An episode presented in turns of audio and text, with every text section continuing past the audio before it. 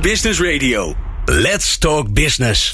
Met nu People Power met Glen van der Burg. People Power is een programma over de kracht van mensen in organisaties. Met interviews en laatste inzichten voor betere prestaties en gelukkige mensen. Deze week gaat Glen van der Burg in gesprek met. Erwin Klappen is in de studio. Hij is geluksexpert, dus dit wordt een mooie uitzending. Ja, geluk. Als je een beetje je Facebook of je Instagram in de gaten houdt, dan kom je erachter dat geluk een hype is. Je ziet het overal terugkomen.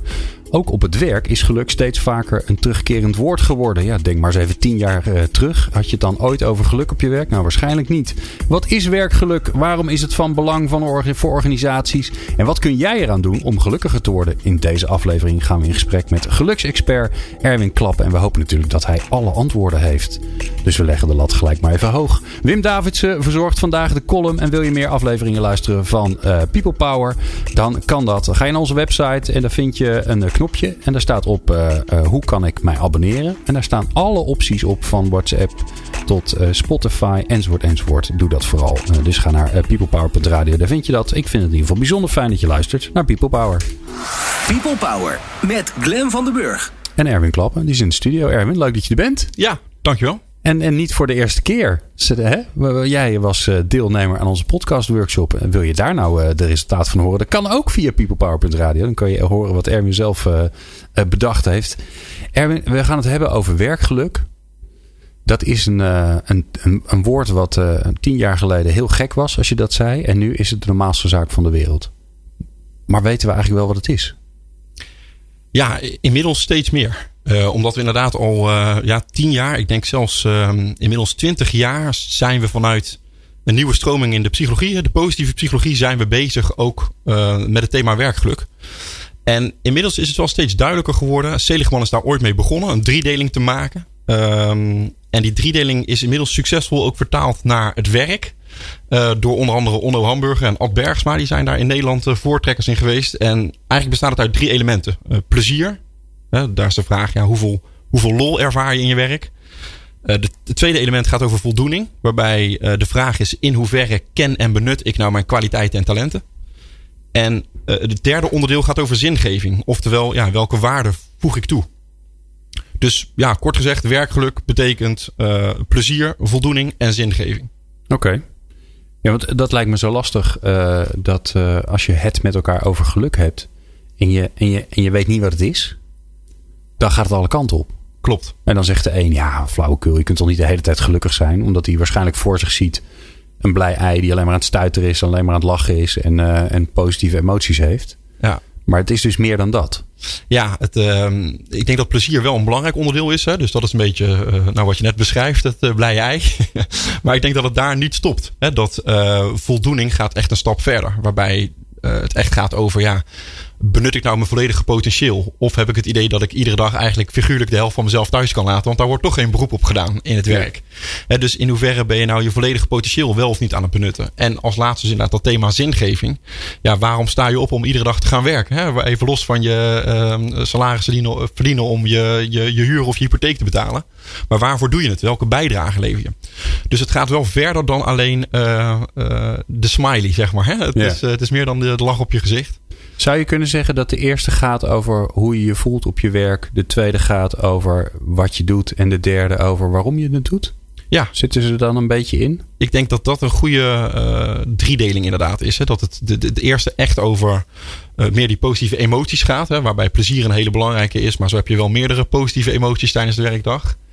Um, dus je zou dat. Ja, ook... Noem ze eens, want dat vind ik altijd mooi. Ik heb altijd de neiging als ik zelf workshops geef om af te sluiten met: God, met wat voor gevoel ga je naar huis? Ja. En dan hoor ik altijd heel weinig, heel weinig gevoelens. en dan zeggen mensen: Nou, ik vond het heel interessant. Ja, oké, okay, dat is heel leuk. Maar wat voelde je? Wat voel je als Vooral je. bij mannen is dat moeilijk, hè? Ja, ja, ja. Sorry, alle mannen. Maar ja. jullie zijn er. Wij, jullie, wij zijn er al minder goed. Ja. Nee, plezier denk je al gelijk aan of lol. Ja. Maar noem, noem nog eens een paar van die emoties waar je zegt: Nou, dan dan, is, dan zit iemand in die eerste uh, uh, fase of die, dat eerste gevoel van geluk. Ja.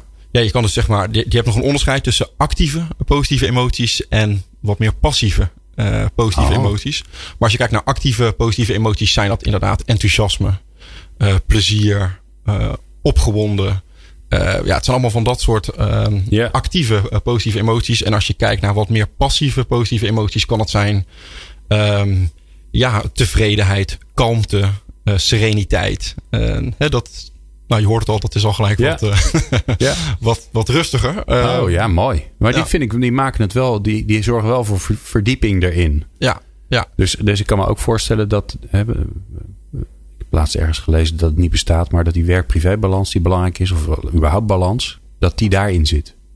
klopt. Ja.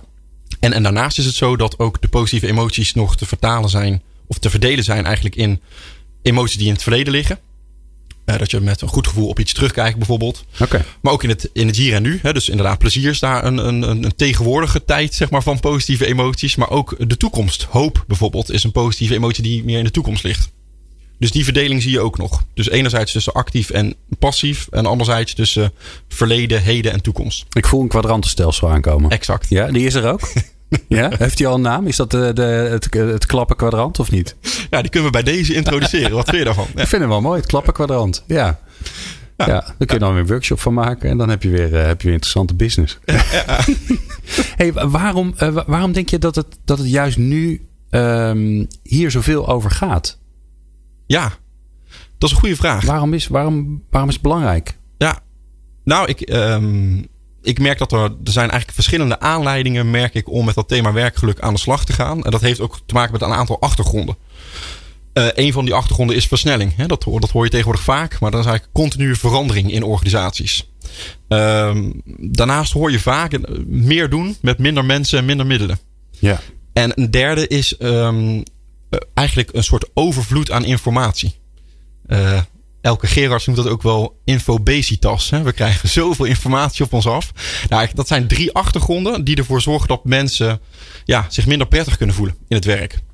En ehm, dat kan ervoor zorgen dat mensen eh, ja, zeggen: joh, we moeten iets met dat thema werkgeluk. En dat is inderdaad. Maar het sinds klinkt ook een beetje als noodzaak. Ja. Want als we dat niet doen.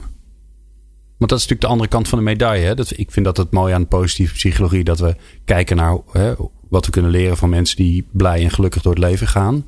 Maar aan de, aan de andere kant van de medaille is natuurlijk ook dat als je het niet doet. Dan krijg je al die dingen die we niet willen. Dan, hè, dan, daar zit ziekteverzuim, daar zit burn-out, daar zit uh, nou ja, eh, bore-out. Noem al die dingen maar op. Klopt, ja. Die, heel, die ook heel vaak langskomen. Ja, en je ziet dat van oudsher ook zeker HR-afdelingen zo zijn ingericht dat ze vooral in actie komen als het te laat is. Hè? Dus we gaan iets doen als het verzuim hoog is. En dan nou ja, gaan we allerlei mensen optrommelen om te zorgen dat het verzuim weer naar een aanvaardbaar niveau gaat. Maar, maar zit, er, zit er ook een verband tussen die twee? Is het zo dat als je aan de slag gaat met werkgeluk, dat, dat die, die negatieve aspecten van, van werk, dat die ook verdwijnen? He, dus is, want je zou kunnen zeggen, nee, je moet eerst zorgen dat we überhaupt een beetje normaal werken. En dan gaan we, he, dan is het een soort slag om op de taart. Dat kan een manier zijn om daarnaar te kijken. Ja. Uh, veel mooier zou natuurlijk zijn als je zegt, nee, het is geen slagroom op de taart.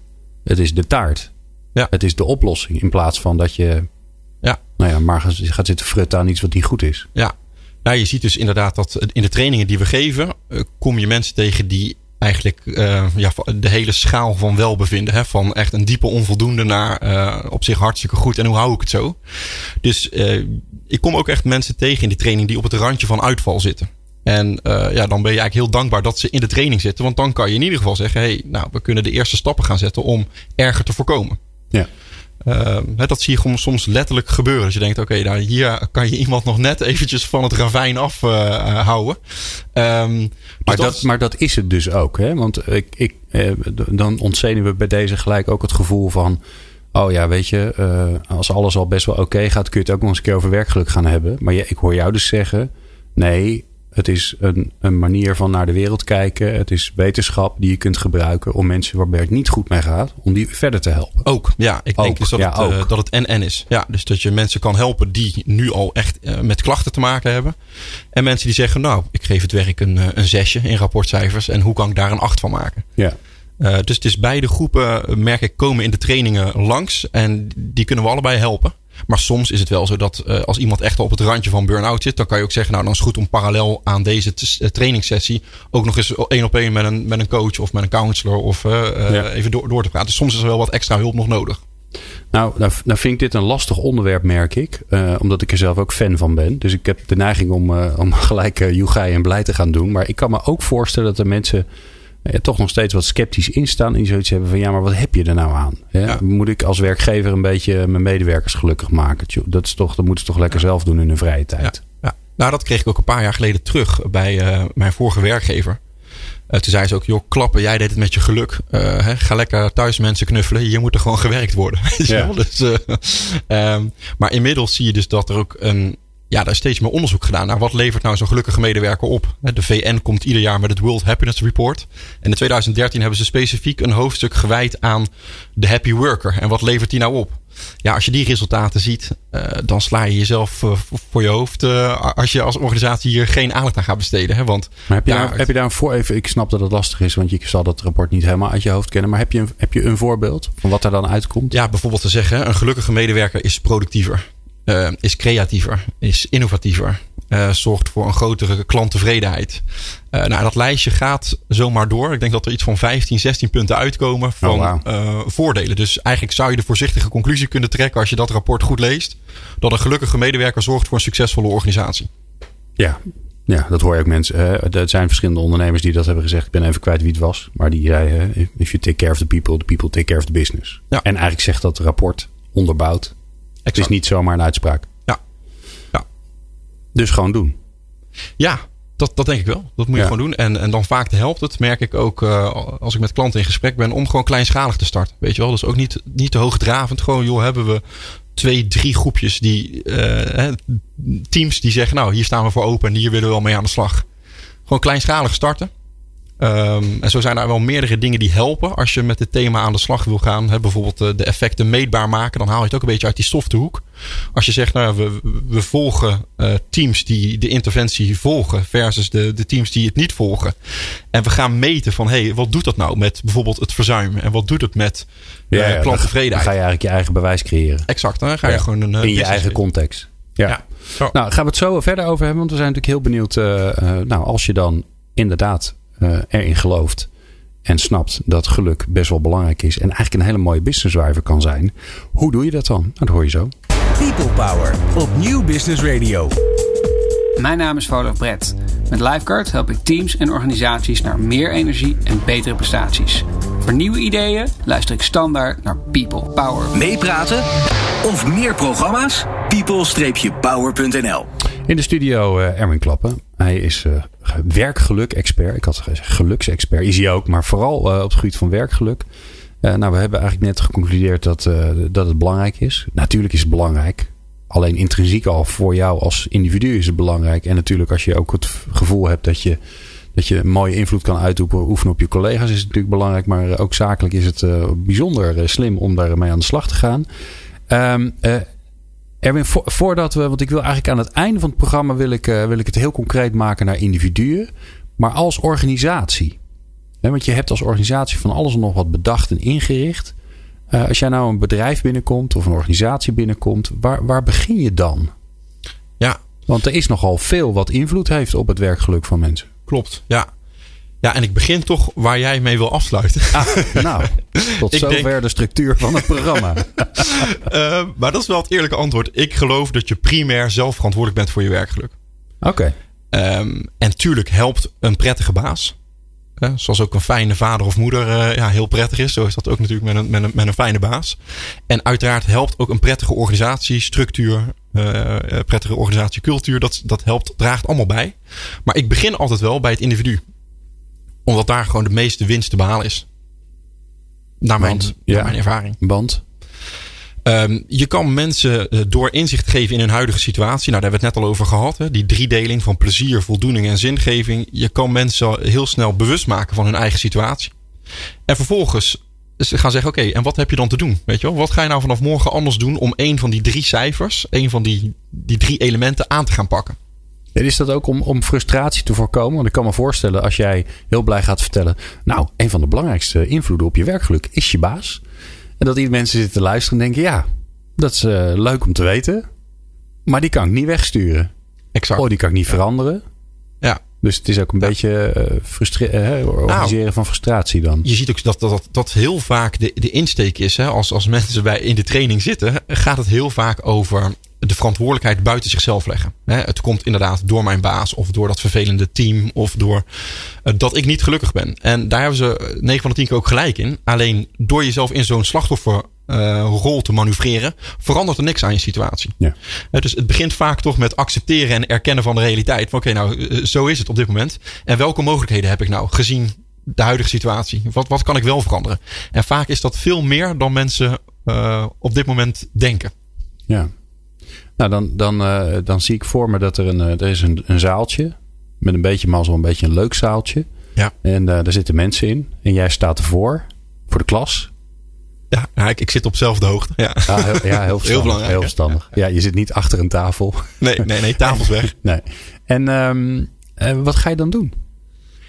Ja, wat ik doe, en um, denk wel ook belangrijk om daar nog een keer de naam van Onno Hamburg te noemen, want hij is daar echt wel in Nederland de grondlegger in geweest. Um, um, de aanpak is als volgt dat we de gelukkig werken piramide um, door iedereen laten tekenen. En dat begint dus onderin, de, de onderste laag, die uh, plezier, dan voldoening en dan zingeving.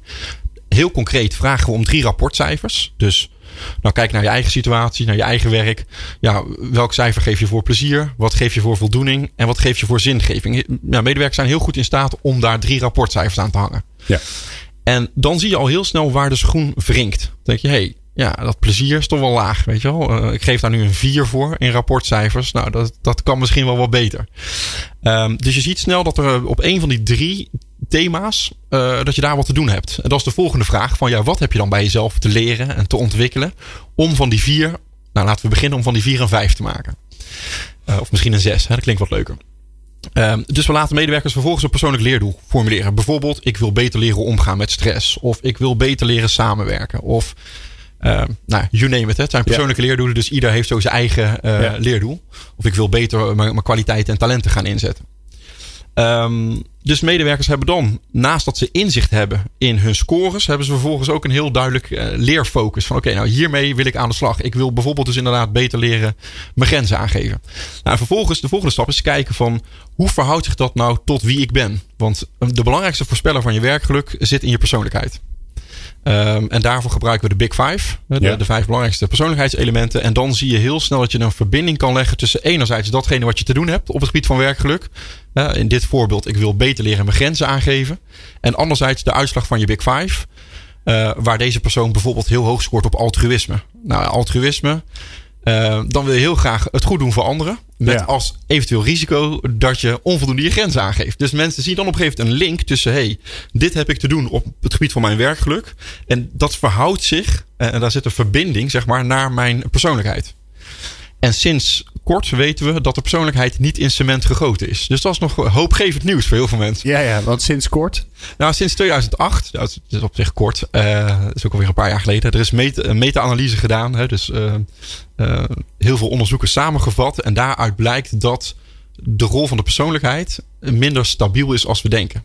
Dus er zijn mensen over een behoorlijke lange tijd gevolgd. En wat bleek, mensen worden, naarmate ze ouder worden, worden ze altruïstischer. En dan, dan doe je nog helemaal niks met training of coaching. Uh, nee. Laat staan als je dat proces gaat versnellen door wel juist te investeren als organisatie in trainingen, in coaching.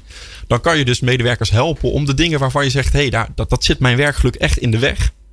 Uh, om dat te veranderen bij jezelf. En dan helpt het heel vaak om te leren van anderen. Want dan zie je, goh, uh, Pietje in dezelfde training, die is juist heel erg goed in zijn grenzen aangeven. Uh, nou, en die mensen verbinden we dan met elkaar. Van hé, hey, hoe doet Pietje, Pietje dat en wat kan je daarvan leren?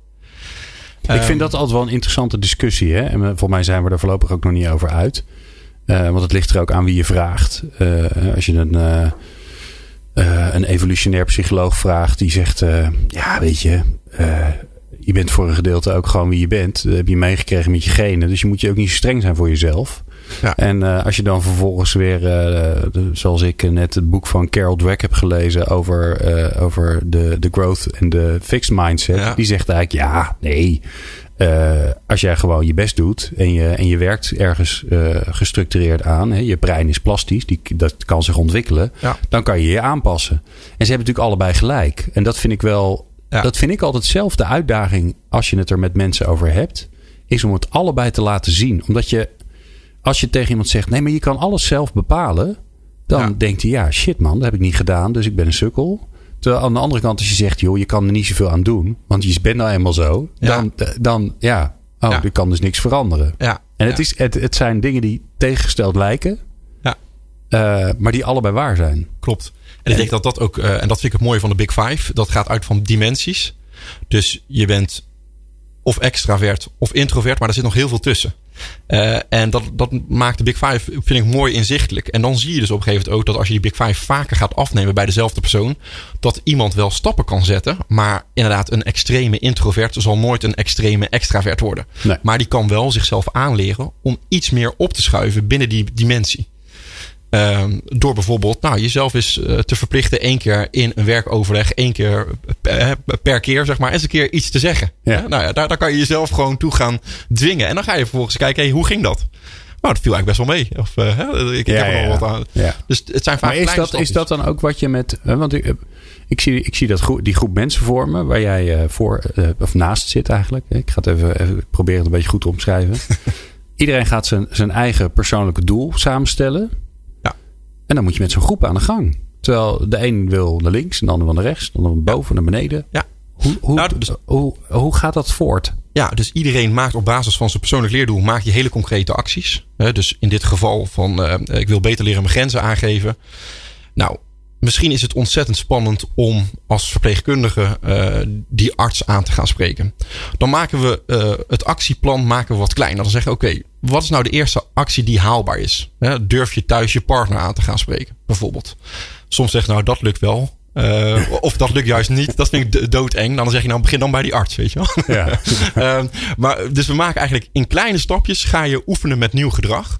En ehm, drie weken na de eerste trainingsdag komen we weer bij elkaar. Dan gaan we zeggen, oké, wat ging nou goed? En wat vraagt nog aandacht ten opzichte van je leerdoel? En dat is leuk als je met een team dat doet. Kunnen anderen ook feedback gaan geven. Zeg, hey, ik zag inderdaad dat jij eh, die arts ging aanspreken. En nou ja, dat kan die persoon ook zelf natuurlijk eh, uiten tijdens die training. En dan heel vaak zie je dat het ontzettend goed gaat. En dat ze van tevoren zien ze enorme beren op de weg. Van, oh god, het gaat totaal niet lukken. En eh, Maar het wat- zijn dus ook hele kleine dingen. heel vaak wel. zeggen. Heel vaak wel. Ja, Ja, dus je, je, je komt achter iets groots. Ik ben introvert, ik vind het lastig om. eh, dit is wat me tegenhoudt. Of hier krijg ik irritatie door. En vervolgens ga je eigenlijk hele kleine dingen bedenken. Die mensen kunnen doen die daar. Om dat te overschrijven of zo. Dat zie ik een beetje voor me. klopt. Ja, ja, om eigenlijk gewoon in kleine stapjes successen te gaan boeken. En te zeggen, hey, dit, dit valt mee. En dit, op gegeven moment wordt het zelfs leuk, weet je wel. Het is, het is eerst even spannend. Bijvoorbeeld hè, in dit geval als verpleegkundige om die arts aan te gaan spreken. In het begin is het spannend, maar daarna levert je eh, het meer plezier, meer voldoening, meer zingeving op. Ehm 9 van de 10 keer is dat zo. Ja. En dat mensen zich veel meer ja, zorgen maken. Dus ook veel irrationele gedachten hebben. Die achteraf gezien helemaal niet waar blijken te zijn. Ja, ja, ja. Het is ook het ontzenuwen van alles wat je in je achterhoofd hebt. Waarom je het niet of juist wel doet. Ja, ja. en af en toe heeft het onvoorziene effecten. Dat je zegt, oké, eh, in, in 9 van de 10 keer kan het al binnen de huidige baan. Met kleine aanpassingen. Wat we dan eigenlijk jobcrafting noemen. En in 1 van de 10 keer kom je tot de, tot de conclusie. Ja, dit is het ook niet, weet je wel. Ik moet echt een andere baan gaan zoeken. Ja, ja. ja, want dat is natuurlijk een ander ding. Hè, wat je vaak als je het over geluk hebt, dan denken mensen gelijk: oh, ik moet een bed and breakfast beginnen. Of eh, die maken het gelijk heel groot. Ja, Maar dat hoor ik je dus niet zeggen. Nee, dat zou zeker niet mijn advies zijn. Ik zou veel meer vanuit de huidige situatie gaan kijken welke kleine aanpassingen kan je doen. Dan alle schepen achter je verbranden. En tot de conclusie komen dat die bed and breakfast in Slowakije, dat daar toch niemand echt behoefte aan heeft. Ja, als sterker nog, als het wel lukt, is het ook gewoon knijterhard werken. Ja. Ja, en dan moet je ook maar lol in hebben. Dat klopt. Eh, we praten zo verder met eh, Erwin Klappen over werkgeluk. Eh, we gaan zo eerst luisteren naar onze columnist van, Dims, van dienst, Wim Davidsen, HR en Flexstratege. En eh, de hoofdredacteur van het vakblad Flexmarkt. Ik ben natuurlijk heel benieuwd wat hij voor mooie column heeft bedacht. Hoor je zo.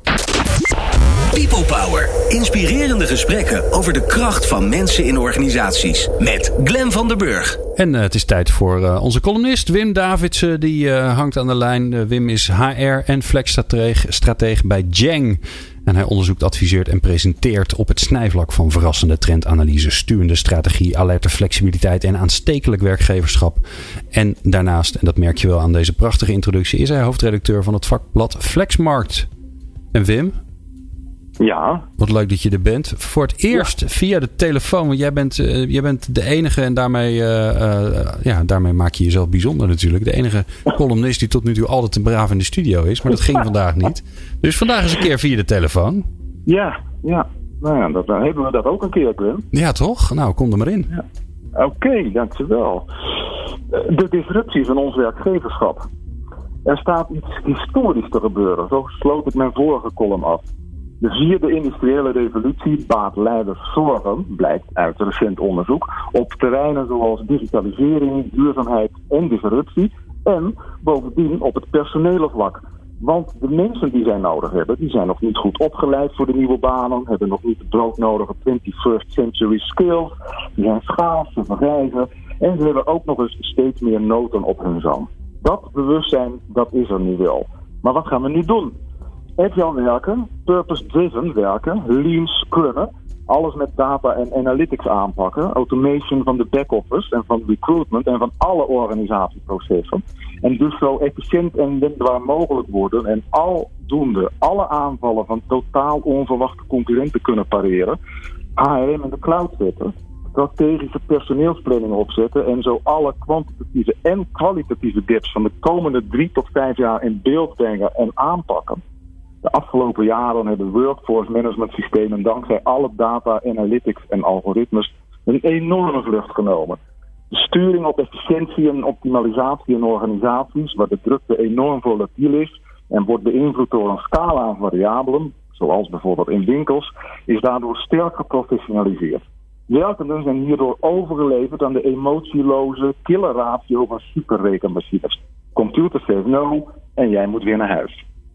Alweer vijf jaar geleden schreef de jonge professor Zeynep Ton het heerlijke, maar weinig gelezen boekje The Good Job Strategy. De strategie van goede banen. Zelfs bij thuisvechters, zo had zij ontdekt, levert goed werkgeverschap meer groei en meer rendement op dan de eenzijdige en tyrannieke optimalisatie van digitale ratio. Dus wat is het geheim van succesvolle organisaties? Begin juli las ik op het blog van Harvard Business Review het stuk Disruption Starts with Unhappy Customers. Deel 1 van het geheim van succesvolle organisaties is klanten geweldig helpen. Hun ongemak, teleurstelling, irritatie ontdekken en ook wegnemen. Iets met betekenis gaan leveren. Dat is het geheim van Uber, dat de wereldwijd beruchte taxis aftroeft. Dat is het geheim van SodaStream, dat je helpt duurzaam te leven door wegwerpplastic te vermijden. En vervolgens afgelopen winter voor 3,5 miljard dollar door Pepsi werd gekocht. 3,5 miljard dollar voor water met prik. Maar vooral natuurlijk met dat geweldige verhaal met betekenis. Dus deel 2 van het geheim van succesvolle organisaties. De mensen die geloven in die klantpropositie en daar energiek hun bijdrage aan willen leveren. En die ervaren dat ze niet alleen die verantwoordelijkheid krijgen, maar ook de steun en de autonomie. Dus de regelruimte om die bijdrage te kunnen leveren. Missie, meedoen, autonomie en steun. Zo low-tech is de toekomst van succesvolle organisaties in de op gang komende vierde industriële revolutie. Low-tech, maar high-touch. Missie, meedoen, autonomie en steun. Ik had het er in mijn column al eerder over. In dat stuk, low-tech, maar high-touch, daar zijn wij nog niet zo goed in. Maar zo'n 10% van alle Nederlandse werkenden ervaart een echt energiegevende werkomgeving. Wat doen wij dan niet goed? Waar lopen we vast? Missie, meedoen, autonomie, steun. Voor succes in de nakende vierde industriële revolutie moeten we eerst maar eens ons eigen werkgeverschap disrupten. Zo, ik ben er gewoon stil van. Wat een opdracht, hè? Nou, goedemorgen zeg. En daar zo stuur je ons de vakantie in. Uh, ja, heerlijk. Tenminste, heerlijk. voor jou natuurlijk. hey, uh, Wim, nog even voor de zekerheid. Ik zat ondertussen even ja. te, googlen, te googlen. Want jij, jij beveelt een boek aan, The Good Jobs Strategy. Uh, ja. Hoe heet de meneer of mevrouw die het geschreven heeft? Dat is mevrouw Zijnep Ton. Oké. Okay, Z-E-Y-Nep. En dan Ton als achternaam. Ja, ik heb hem gevonden. Ik uh, ga hem uh, sowieso luisteren natuurlijk. Maar ik ga hem ook op... Uh, want hij is ook in audioboek beschikbaar. Heb ik alweer gezien. Oh, maar ik zet hem okay. ook in de, in, de, in, de, in de show notes. In de, in de post op onze website. Super goed boekje. Super goed boekje. Ga ik doen. Wim, mag ik jou bijzonder bedanken voor, voor een half jaar prachtige columns. Heel graag gedaan. Ja, Jullie zeer gewaardeerd. Dankjewel. En ehm, eh, ja, we spreken elkaar. Zo is Ik heb er geen andere woorden meer voor. Geniet, geniet, van, geniet van de zomer. Dankjewel. Wim Davidsen. Jij ook, Glenn. Veel plezier nog. People Power met Glen van den Burg. Meer luisteren? people-power.nl Erwin Klappen is in de studio, uh, werkgeluk-expert. En uh, we hebben het heel toevallig over werkgeluk. Dat komt heel mooi uit. Uh, Erwin, we, we, ja, we gaan naar de actie wat mij betreft. Um, eerst maar even, want uh, veel van onze luisteraars uh, zijn verantwoordelijk voor een groep mensen. Die zijn uh, leidinggevende of die zijn HR professional of HR manager. Um, je vertelde net al even in het hoe van ja, we beginnen toch eigenlijk altijd bij, bij de eigen invloedssfeer. Bij wat kan je zelf doen. Maar als je nou kijkt naar de organisatie, dan is het voor deze mensen die kunnen wat aan de organisatie doen. What, whatever that may be. Ja. Wat is nou, wat kunnen we een uur over vullen, maar één ding waarvan jij zegt van nou, dat heeft zoveel invloed op het werkgeluk van mensen. Ja. Als je ergens aan moet draaien, dan moet je daaraan draaien. Nou, bijvoorbeeld als leidinggevende. Um, de belangrijkste voorspeller vanuit leidinggevend perspectief om het werkgeluk van medewerkers te vergroten is sturen op progressie. Dus hoe kan je er nou voor zorgen dat iedere dag elke medewerker een klein stapje vooruit zet? Het hoeven, geen grote doorbraken te zijn, al is het maar een klein stapje. Uh, daarop sturen schijnt by far het belangrijkste management tool te zijn om het geluk van medewerkers te vergroten. Oké. Okay. Heb je een voorbeeld? Ja, dus progressie kan je eigenlijk in alles zien. Hè? Dus, um, maar van een, een, organisatie die dat, die, dat, die dat doet of uh, die daarmee aan het experimenteren is? Ja, nou, ik moet eerlijk zeggen, ik heb het nu net zelf gelezen. Uh, de Harvard Business Review heeft een, een, klein boekje uitgebracht. Dat heet Happiness. Ah. Um, en daar gaat één hoofdstuk gaat ook helemaal over dit thema, over progressie. Um, en dat, dat beschrijven ze eigenlijk heel praktisch. Dus ik heb het eerlijk gezegd nog niet in de praktijk. Ben ik het nu nog heel veel tegengekomen. Hoewel natuurlijk uh, in, in Nederland zeker. Koert Visser is uh, iemand die al veel op het gebied van progressiegericht werk en progressiegericht leidinggeven doet. Um, maar ik merk zelf dat het dus bij heel veel managers ook nog juist onbekend is. Als ik vraag aan managers van goh, van deze vijf elementen, wat is nou de belangrijkste tool? Staat deze altijd onderaan. Dus progressie, niemand denkt daaraan. Uh, maar dat kan je dus als leidinggevende wel heel goed bewerkstelligen door nou, taakgerichte steun, maar ook mensgerichte steun te bieden, zodat mensen een stapje elke dag weer in de goede richting zetten. Maar dus ook zien wat ze, wat ze doen. Dus uh, uh, daarmee zou je ook zeggen dat mensen die een heel ver weg liggend doel hebben, bijvoorbeeld uh, maak een beleidsplan en het moet over twee jaar klaar zijn. Uh, dat helpt niet. Nee, je, je zou kunnen zeggen, hè, wat, wat wel helpt is bijvoorbeeld, goh, wat is vandaag goed gegaan en wat is niet goed gegaan en wat kunnen we daarvan leren? Maar het klinkt ook, want dat zit hè, bijvoorbeeld in het agile werken, in Scrum zit dat heel erg ingebakken. Hè. Daar, ja. daar begin je elke dag met elkaar daarmee. Van wat ga ik vandaag doen? Maar elke sprint, meestal elke twee weken, ja. kijk je ook terug en zeg je, hé, hey, wat hebben we eigenlijk voor elkaar gekregen? Ja, Supergoed. Hè? Effect, resultaat. Um, en zou dat eigenlijk ook verklaren? Want volgens mij de, de, de, de lijstjes verschillen nog wel eens. Maar ik, uh, ik weet uh, dat op een aantal lijstjes van de gelukkigste beroepen dat de, uh, de installateur, de, de loodgieter, dat die bovenaan staat.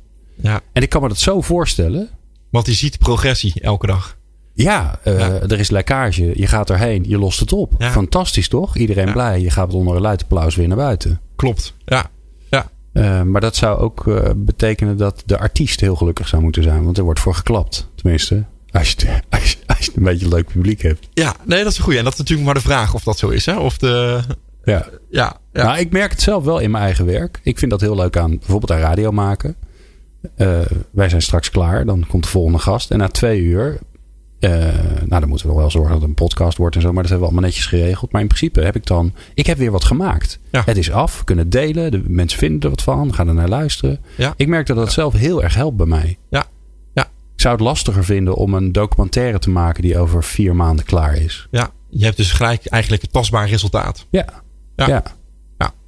En dan de vraag is natuurlijk hoe zorg je dat dat zo in je werk terechtkomt. Klopt, ja. En ehm, ik heb inmiddels ehm, een checklist gemaakt voor leidinggevenden. staat gewoon op mijn website klappentraining.nl. En daar kan je eh, eigenlijk, als je die checklist gewoon volgt, als leidinggevende kan je elke dag kijken, hey, hoe staat het met de progressie van mijn team? Eh, en wat kan ik doen? Eh, nou, om enerzijds progressie te, eh, te bevorderen, maar aan de andere kant, en dat is ook een hele belangrijke, alle belemmeringen, alle obstakels die progressie in de weg zitten, om die weg te ruimen. Ja. Ja, want dat is wat ik hoor je zeggen, het zijn twee dingen. Je kijkt, je kijkt terug, hé, hey, wat heb ik voor elkaar gekregen? En, uh, en, het, en, en daar, daar kan ook waardering bij horen. Dat zou dan wel mijn advies zijn, Zeker. denk ik ook. Hè? Van, Ja. nou, je hebt dit voor elkaar gekregen, goed gedaan. Ja. Maar je kunt ook kijken, joh, wat, uh, wat stond je in de weg om het niet te halen? Of wat had het, uh, wat had het, wat had het nog beter gemaakt of sneller? Hè? Wat kan ik, hoe kan ik je daarbij helpen? Exact, hoe kan ik je daarbij helpen? Ja. Maar dat vraagt ook voor de leidinggevende wel even een. Hè, als, je, als jij een, een, een sturende leidinggevende bent, die weet hoe het moet, dan vraagt dat wel even een andere instelling. Dat klopt. Dat maakt nogal uit of om te zeggen: um, Ik wil dat je dit gaat doen. Of dat je zegt: Hoe kan ik je helpen? Exact. Dus dat is mouwen opstropen. Ja, voor de leidinggevende. Mee gaan doen om te zorgen dat er progressie wordt geboekt. Ja. ja. ja. Oké, okay, dus die hebben we voor de leidinggevende. Uh, HR kan daarbij helpen. Heb je nog een, een uh, voor, voor de HR-collega's die vast aan het luisteren zijn, heb je daar nog iets voor? Want die, die hebben natuurlijk een soort indi meer indirecte invloed ja. uh, ja. op mensen. Ja, dus je zou kunnen zeggen: van ik zou zeker zeggen als management en als HR neem het niet over. Weet je wel? Dus hou die verantwoordelijkheid wel daar waar die moet liggen, namelijk bij die medewerker. Dus ontzie hem ook, zeg maar dat pamperen van medewerkers, daar geloof ik niet echt in. Dat ze daardoor gelukkiger gaan worden. Ik denk dat ze wel juist, er moeten interventies, zeker ook vanuit HR komen, om dat persoonlijk leiderschap aan te wakkeren. Uh, in relatie tot werkgeluk. Uh, en, dat kan je denk ik vanuit HR heel goed faciliteren door allereerst uh, werkgeluk te gaan meten. Hè? Ik denk dat het daarmee begint. Inzicht biedt uitzicht. Hè? Dus uh, ze weten hoe staan we ervoor als het gaat om ons werkgeluk. En vervolgens um, ja, ook een verbinding te leggen tussen dat thema werkgeluk met allerlei initiatieven die er al zijn. Dus weet je, er zijn heel vaak haakjes binnen de organisatie waar je een werkgelukinterventie aan kan ophangen. Nou, organisatiebrede programma's, kernwaardes, uh, HR-strategie, HR-instrumenten. Nou, kortom, ja, koppel werkgeluk aan de haakjes die er in iedere organisatie zijn. Ja, en wat je al doet. Dus maak er niet weer een soort nieuw, uh, nieuw feestje van. Exact. Ouder is weer wat nieuws. Exact. Ja. ja. En als derde zou ik zeggen, ja, inderdaad, ga interveneren. Dus ga probeer uh, goede interventieprogramma's neer te zetten. Die mensen ook echt gaan helpen om hun zelfsturing te vergroten. Om gelukkiger te worden. Ja. En probeer dat ook geleidelijk te doen. Ik zou zeggen, rol het niet gelijk uit over de organisatie. Hè? Zo'n, zo, bijvoorbeeld zo'n trainingsprogramma. Maar doe dat op basis van kleinschaligheid. Op basis van vrijwilligheid. Maak de effecten meetbaar. Uh, nou ja, train op een externe locatie. Er zijn eigenlijk iets van negen spelregels. Om ook optimaal impact te hebben met zo'n interventieprogramma. Mooi. Nou, en dan uh, misschien wel naar het belangrijkste gedeelte van het programma. Um, uh, ik ben aan het luisteren naar dit fantastische programma. En ik heb enorm naar mijn zin. Maar ik zit natuurlijk nu één hele grote vraag in mijn hoofd. Hoe kan ik nou gelukkiger worden? En daar, daar zijn natuurlijk duizenden antwoorden op. Uh, en en uh, ik, ik weet ook al dat, je, dat er nu twee dingen bij jou in je hoofd zitten. Eén, ja, dat ligt eraan hoe jij, wie je bent en waar je aan wil werken. Dat kan ik me voorstellen. Ik kan me ook voorstellen dat er in jouw hoofd zit. Nou, dan moet je deelnemen aan mijn training, want dan komt het goed. Maar dan heb ik dat bij deze alvast gezegd. Hè? Dus dan moet je naar klappentraining.nl. Het linkje zal ik ook wel even op de website zetten. Um, maar wat, wat kan iedereen helpen? Ja. Ja. Simpele vraag. Een hele simpele ja. vraag. Ja, ook een heel simpel antwoord. Um, ja, ik denk een, een hele belangrijke stap is kijken van goh, welke kwaliteiten bezit ik die ook heel veel energie geven. Want je hebt ook heel veel kwaliteiten die heb je wel, maar die geven niet per definitie heel veel energie. Dus het is goed om daar een onderscheid in te maken van welke kwaliteiten geven heel veel energie, maar benut ik op dit moment onvoldoende in mijn werk. Um, en dan helpt het om. Uh, Hoe kom je daarachter? Nou, er zijn 24 universele uni, uh, kwaliteiten. The Virtues in Action. Oh ja, ja. ja. Uh, ja. Daar is ook een Nederlandse vertaling van. We moeten even het linkje, zullen we ja, misschien gaan wel op de, de, website Ja, wel, zetten. ja joh. en um, het helpt om dat voor jezelf na te gaan. Maar ik zou ook adviseren, vraag ook andere mensen om dat voor jou te doen. Dus vraag ook je partner, je collega, je leidinggevende, je buurman. Om, uh, Welke vraag zou je dan stellen? Want dat maakt uit volgens mij. Nou, ik denk van die 24 universele kwaliteiten. Welke zeven vind je nou het meest van toepassing op mij? Oké. Okay. Selecteer er eens zeven. En ga vervolgens eens, als je dus nou, bij jezelf dat hebt onderzocht. En bij uh, een aantal anderen. Laten we zeggen even bij vier anderen. Kom dan uiteindelijk tot een top 7 lijstje. Van oké, okay, nou dit zijn uiteindelijk mijn, mijn belangrijkste kwaliteiten. En kijk vervolgens eens van welke van die zeven kwaliteiten geeft heel veel energie. Maar benut ik op dit moment onvoldoende in mijn werk. En maak daar eens een plannetje van. Hoe je dat vaker kan gaan doen. Ja. Eitje. Ja, toch? Ja. En dan denk ik, iedereen die luistert. Die denkt nu, dat ga ik doen. Hoe kan jij ze nou helpen om te zorgen dat ze het echt gaan doen? Want, want eh, mensen luisteren vaak in de auto, dus schrijven het niet op en, eh, en, eh, en zijn onderweg of zitten in de trein of doen de boodschappen. En die luisteren en denken, oh ja, dat ga ik doen, dat ga ik doen. Hoe, hoe kan je ze nou helpen om het, om het, om het allereerste mini-stapje te zetten? Zodat ze in beweging zijn. Ja. Ja, dus Want het is toch best wel een ding. Want ik moet het zelf en dan moet ik vier mensen vragen. Wie ga ik dan vragen? En dan denk ik, jezus, nou alleen daarbij ga ik al afhaken. ja, ja, moet ik is Jan of Piet vragen. Ja. Nou ja, ik zou gewoon zeggen, ja, dat, het klinkt natuurlijk heel simpel, maar ehm, probeer dus dingen niet uit te stellen. Maar probeer, als je dit, als je denkt, nou hier word ik echt enthousiast van. Nou, als je in de trein zit, hè, app gelijk de eerste persoon van, hey, vanavond stuur ik jou eh, een lijst op met 24 kwaliteiten. Oh, dat is een goeie. En ik wil graag voor het eind van deze week eh, jouw reactie. Haal je dat? Dat je even vraagt van, joh, wil je me helpen? Exact. Ja. Ja. Dus en het leuke is dan, als diegene dan denkt, ja natuurlijk, dan wordt hij daar ook weer gelukkiger van. want dan daarom. kan die helpen. Ja, en, en die gaat ook nog eens zeggen wat hij in jou waardeert. Nou, weet je, dat, dat is natuurlijk de snelste manier om gelukkiger te worden. Ja, Het delen wat je waardeert in de ander. ja. Eh, dus zowel je voor wat de ik- gever als de ontvanger is dat een hele leuke oefening. Weet je wat ik ben gaan doen? Ehm, als iemand eh, mij een compliment geeft, dat, ten eerste moest ik al leren om die te accepteren. Nou, dat gaat ondertussen best goed. Ehm, maar als iemand mij een compliment geeft en zegt, eh, ik had bijvoorbeeld laatst als ik ergens voor zit en die zei, oh, dat heb je echt leuk gedaan. Dan zeg ik, nou, dankjewel. Eh wat doe ik dan? Ja. Want ik heb geen flauw idee heel vaak. Ja. En dan zeggen ze, oh ja, nou, dat is wel goed. Ja, dan denk ik er even over na. Ten eerste wordt het compliment dan eh, waardevoller. Ja. Ja. Maar ze zeggen ook waar ze vinden wat je goed in bent. En dan denk je, oh, oh, dat, oh zo had ik er nog nooit over gedacht. Dat Ja. helpt mij enorm. Ja, dus je hoort ook verrassende dingen daardoor. Ja. Ja. Ondertussen niet meer. Of minder, want ik doe het al een tijdje. Ja. Hè, dus, maar dan, dan wordt het bevestigd. Dat is Ja. ook fijn. Dat is ook fijn. Dat Ja. dingen terugkomen. Dat je denkt, oh ja, oké, ja, die heb ik vaker langs gehoord. Dus die moet ik opschrijven. Want het is blijkbaar... eh alright. Eh, dus die hebben we. Ehm, ja, nog één laatste ding. Dan zijn we door de tijd heen. Ja, dat- Final thought. Oh, die doen we. We doen even een Jerry Springertje. Ja. Ja, we doen even Springer. Jerry's, Erwin's final thought. Nou, nu komt hij. Ja, komt. Ehm, ja, dit hebben we niet voorbereid. Dus, eh, nee, nee, nee. het, eh, ik voel nu wel de, de druk eh, Nou, hè? komen. Nou, misschien ehm, wat ik zelf heel erg leuk vind. Ik, ehm, de- ik ben nu het boek Great at Work aan het lezen van Morten Hansen. Dat noemen ze ook wel de nieuwe Covey. Oh, En die schrijft, eh, die heeft eigenlijk zeven tips om slimmer te werken. En een aantal van die slips, eh, tips, die dragen ook direct bij aan meer werkgeluk.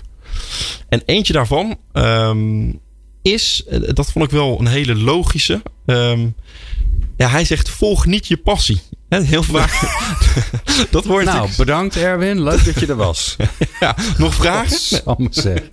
Ja, die moet je even uitleggen. Dat, heel vaak is dat natuurlijk het advies wat je krijgt. Hè. Bijvoorbeeld als je naar college tour kijkt. Zeggen ze altijd, nou wat is nou je laatste... eh, Volg je passie. Volg je passie en alles komt goed. Als je Ja. Oprah Winfrey kijkt, zegt dat ook. Volg je passie en het komt goed. Ehm, maar als ik tegelijkertijd naar het tv-programma Ik Vertrek kijk, dan denk ik, ja, je kan wel zeggen volg je passie, eh, maar dat 9 van de 10 keer loopt dat niet goed af. Dus het is een te simpel advies om te zeggen, ja, volg je passie. Ja, wat moet je dan doen? In die saaie baan blijven hangen? Nou, dat zou ik dan ook weer niet adviseren. Dus je passie negeren is ook weer niet de oplossing. Maar er is dus een, een derde optie en dat is je passie koppelen aan, je, eh, aan een gevoel van purpose, aan een gevoel van zingeving. Dus dat zou mijn laatste advies zijn. Begin bij dat, bij dat stuk zingeving. Van waar kan jij nou waarde toevoegen? En combineer dat met een gevoel van passie. Met je passie volgen. Prachtige afsluitende tip van Erwin Klappen. Van Klappentraining. Directeur, oprichter, eigenaar. Chief Happiness Chief, Officer. Chief Happiness Officer. hè? Ja, ja grappig. Ehm, ik kan hier nog uren over doorpraten. Een fantastisch onderwerp is dit toch? Ik kan me ook heel goed voorstellen dat jij daarover eh, over overloopt. Ja, ik ben zelf ontzettend gelukkig. Ja. Ja, ja. Nou, een goede vraag, ja. Als je jezelf een punten, punten moet geven op, de, op de, alle drie de, de, de schijven, dan, dan doet de luisteraar het in zijn eigen hoofd op. Plezier, hoeveel geef je? je? Plezier geef ik een 8. Voldoening? 9. Zingeving? 9,5. Zo, goedemorgen. Gefeliciteerd. Dank je. En Heb je- jij? heb je goed gedaan. Ehm, mm, mm, mm. ja, ik zeg altijd, eh, want ik ben daar ook wel mee bezig. Ik zeg altijd, eh, het is een 9 wat ik doe. Dus ik heb de onderverdeling nog niet heel scherp. Daar moet ik even over nadenken, langer dan drie seconden. Eh, maar dat houdt wel in. Ik vind het ook wel een. Ik vind het soms ook wel een burden, een, een last. Want alles wat een 7 of een 7,5 is, daar moet je dus Dat moet je dus niet meer doen. Want kom je nooit aan die negen. Of je moet het ombouwen. Maar als je denkt, nou, ik vind het leuk, dit is wat het is. Maar het is niet voldoende. Ja, dan moet je ermee stoppen. Dus uh, het is niet alleen maar uh, Joegij en Jolijt. Nee. Het is ook, uh, het is ook, uh, het is ook een strijd. Zeker. En met die prachtige woorden beëindigen deze aflevering van People Power. Uh, Erwin, bijzonder bedankt. Leuk dat je er was. En vast tot een volgende keer. Uh, wij gaan in de volgende aflevering uh, een bijzonder belangrijk onderwerp doen. En dat draagt weer bij aan mijn eigen zingeving. Want de vraag is: zijn vluchtelingen een oplossing voor de, het tekort aan personeel? En nog veel belangrijker, wat is het belang van werk voor vluchtelingen? Daar gaan we in de volgende aflevering van People Power naar op zoek. Uh, kun je niet wachten, wil je nog meer luisteren en ook meer dingen over geluk? Ga dan naar peoplepower.radio. Ik vond het bijzonder fijn dat je hebt geluisterd. Meepraten of meer programma's? people-power.nl